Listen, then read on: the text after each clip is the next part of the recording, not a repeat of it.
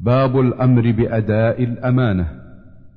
قال الله تعالى إن الله يأمركم أن تؤدوا الأمانات إلى أهلها. سورة النساء. وقال تعالى انا عرضنا الامانه على السماوات والارض والجبال فابين ان يحملنها واشفقن منها وحملها الانسان انه كان ظلوما جهولا. سورة الأحزاب. عن أبي هريرة رضي الله عنه أن رسول الله صلى الله عليه وسلم قال آية المنافق ثلاث. إذا حدث كذب وإذا وعد أخلف وإذا اؤتمن خان. متفق عليه. وفي رواية وإن صام وصلى وزعم أنه مسلم. عن حذيفة بن اليمان رضي الله عنه قال حدثنا رسول الله صلى الله عليه وسلم حديثين قد رأيت أحدهما وأنا أنتظر الآخر. حدثنا أن الأمانة نزلت في جذر قلوب الرجال. ثم نزل القرآن. فعلموا من القرآن. وعلموا من السنة. ثم حدثنا عن رفع الأمانة فقال ينام الرجل النومه فتقبض الأمانة من قلبه فيظل أثرها مثل الوقت ثم ينام النومه فتقبض الأمانة من قلبه.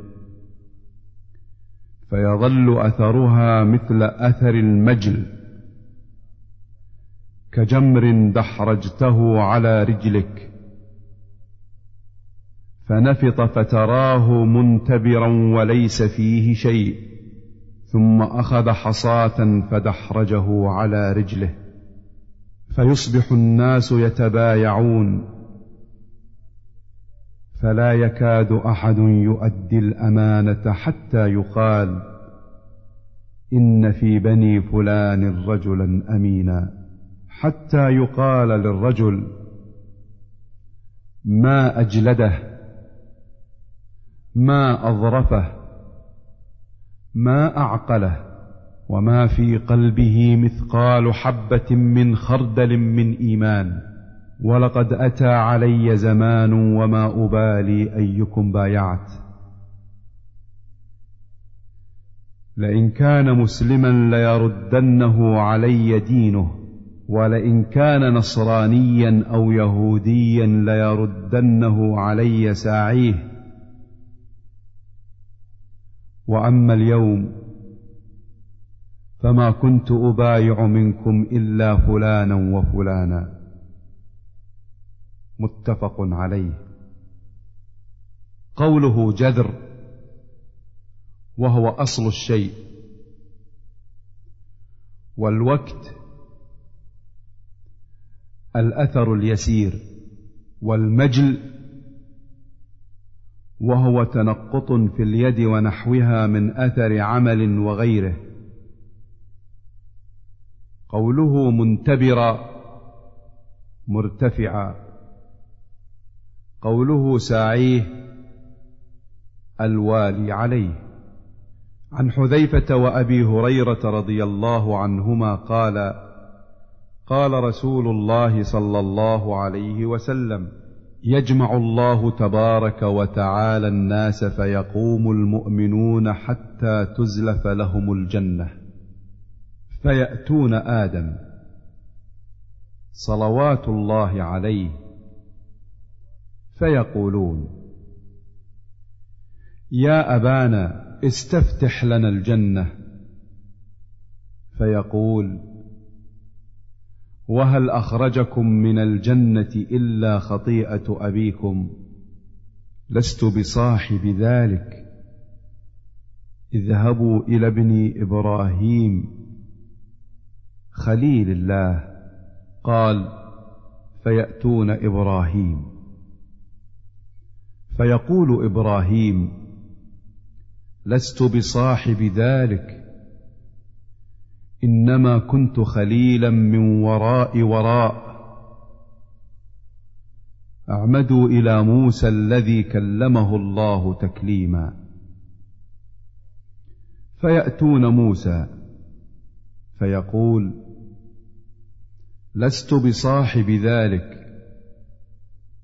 اذهبوا إلى عيسى كلمة الله وروحه. فيقول عيسى لست بصاحب ذلك. فيأتون محمدا صلى الله عليه وسلم.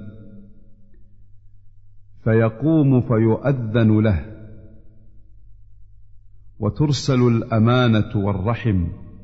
فيقومان جنبي الصراط يمينا وشمالا. فيمر أولكم كالبرق. قلت بأبي وأمي أي شيء كمر البرق؟ قال ألم تروا كيف يمر ويرجع في طرفة عين ثم كمر الريح ثم كمر الطير؟ وشد الرجال تجري بهم أعمالهم. ونبيكم قائم على الصراط يقول رب سلم سلم حتى تعجز أعمال العباد حتى يجيء الرجل لا يستطيع السير إلا زحفا. وفي حافتي الصراط كلاليب معلقة. كلاليب معلقة مأمورة بأخذ من أمرت به. فمخدوش ناج ومكردس في النار. والذي نفس أبي هريرة بيده. إن قعر جهنم لسبعون خريفا. رواه مسلم. قوله وراء وراء. معناه لست بتلك الدرجة الرفيعة. وهي كلمة تذكر على سبيل التواضع. وقد بسطت معناها في شرح صحيح مسلم. والله أعلم. عن أبي خبيب عبد الله بن الزبير رضي الله عنهما قال لما وقف الزبير يوم الجمل دعاني فقمت إلى جنبه فقال يا بني إنه لا يقتل اليوم إلا ظالم أو مظلوم. وإني لا أراني إلا سأقتل اليوم مظلوما. وإن من أكبر همي لديني. أفترى ديننا يبقي من مالنا شيئا؟ ثم قال يا بني بع ما لنا واقض ديني وأوصى بالثلث وثلثه لبنيه يعني لبني عبد الله بن الزبير ثلث الثلث.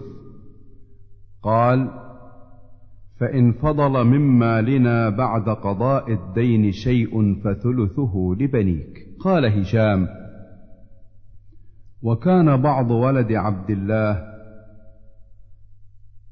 قد وازى بعض بني الزبير خبيب وعباد وله يومئذ تسعة بنين وتسع بنات. قال عبد الله فجعل يوصيني بدينه ويقول يا بني إن عجزت عن شيء منه فاستعن عليه بمولاي. قال فوالله ما دريت ما أراد حتى قلت يا ابت من مولاك؟ قال الله. قال فوالله ما وقعت في كربة من دينه إلا قلت يا مولى الزبير اقض عنه دينه فيقضيه. قال فقتل الزبير ولم يدع دينارا ولا درهما إلا أرضين منها الغابة وإحدى عشر دارا بالمدينة ودارين بالبصرة ودارا بالكوفة ودارا بمصر. قال وإنما كان دينه الذي كان عليه أن الرجل كان يأتيه بالمال فيستودعه إياه فيقول الزبير لا ولكن هو سلف. إني أخشى عليه الضيعة. وما ولي إمارة قط ولا جباية ولا خراجا ولا شيئا إلا أن يكون في غزو مع رسول الله صلى الله عليه وسلم أو مع أبي بكر وعمر وعثمان رضي الله عنهم. قال عبد الله فحسبت ما كان عليه من الدين فوجدته ألفي ألف ومائتي ألف. فلقي حكيم بن حزام عبد الله بن الزبير فقال يا ابن أخي كم على أخي من الدين؟ فكتمته. وقلت مئة ألف. فقال حكيم والله ما أرى أموالكم تسع هذه. فقال عبد الله أرأيتك إن كانت ألفي ألف ومئتي ألف؟ قال ما أراكم تطيقون هذا. فإن عجزتم عن شيء منه فاستعينوا بي. قال وكان الزبير قد اشترى الغابة بسبعين ومائة ألف فباعها عبد الله بألف ألف وستمائة ألف. ثم قام فقال من كان له على الزبير شيء فليوافينا بالغابة. فأتاه عبد الله بن جعفر وكان له على الزبير أربعمائة ألف. فقال لعبد الله إن شئتم تركتها لكم. قال عبد الله لا. قال فإن شئتم جعلتموها فيما تؤخرون إن أخرتم. فقال عبد الله لا. قال فاقطعوا لي قطعة. قال عبد الله لك منها هنا إلى ها هنا.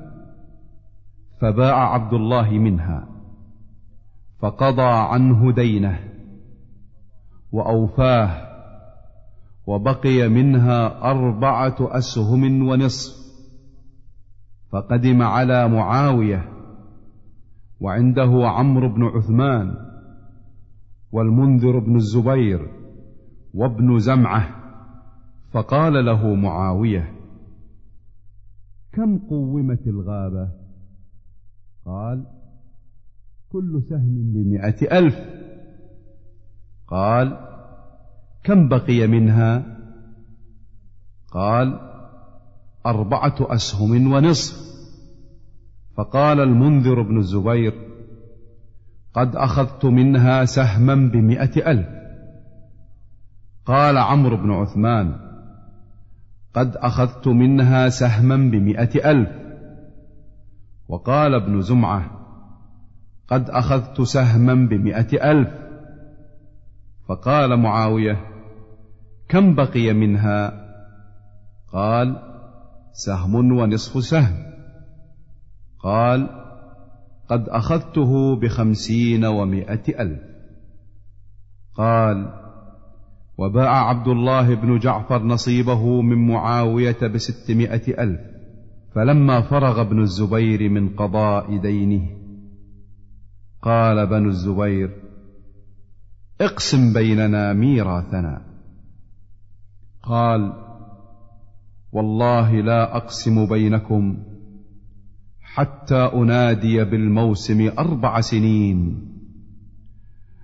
ألا من كان له على الزبير دين فليأتنا فلنقضه. فجعل كل سنة ينادي في الموسم. فلما مضى أربع سنين قسم بينهم ودفع الثلث. وكان للزبير أربع نسوة فأصاب كل امرأة ألف ألف ومائه ألف. فجميع ماله خمسون ألف ألف ومائه ألف. رواه البخاري.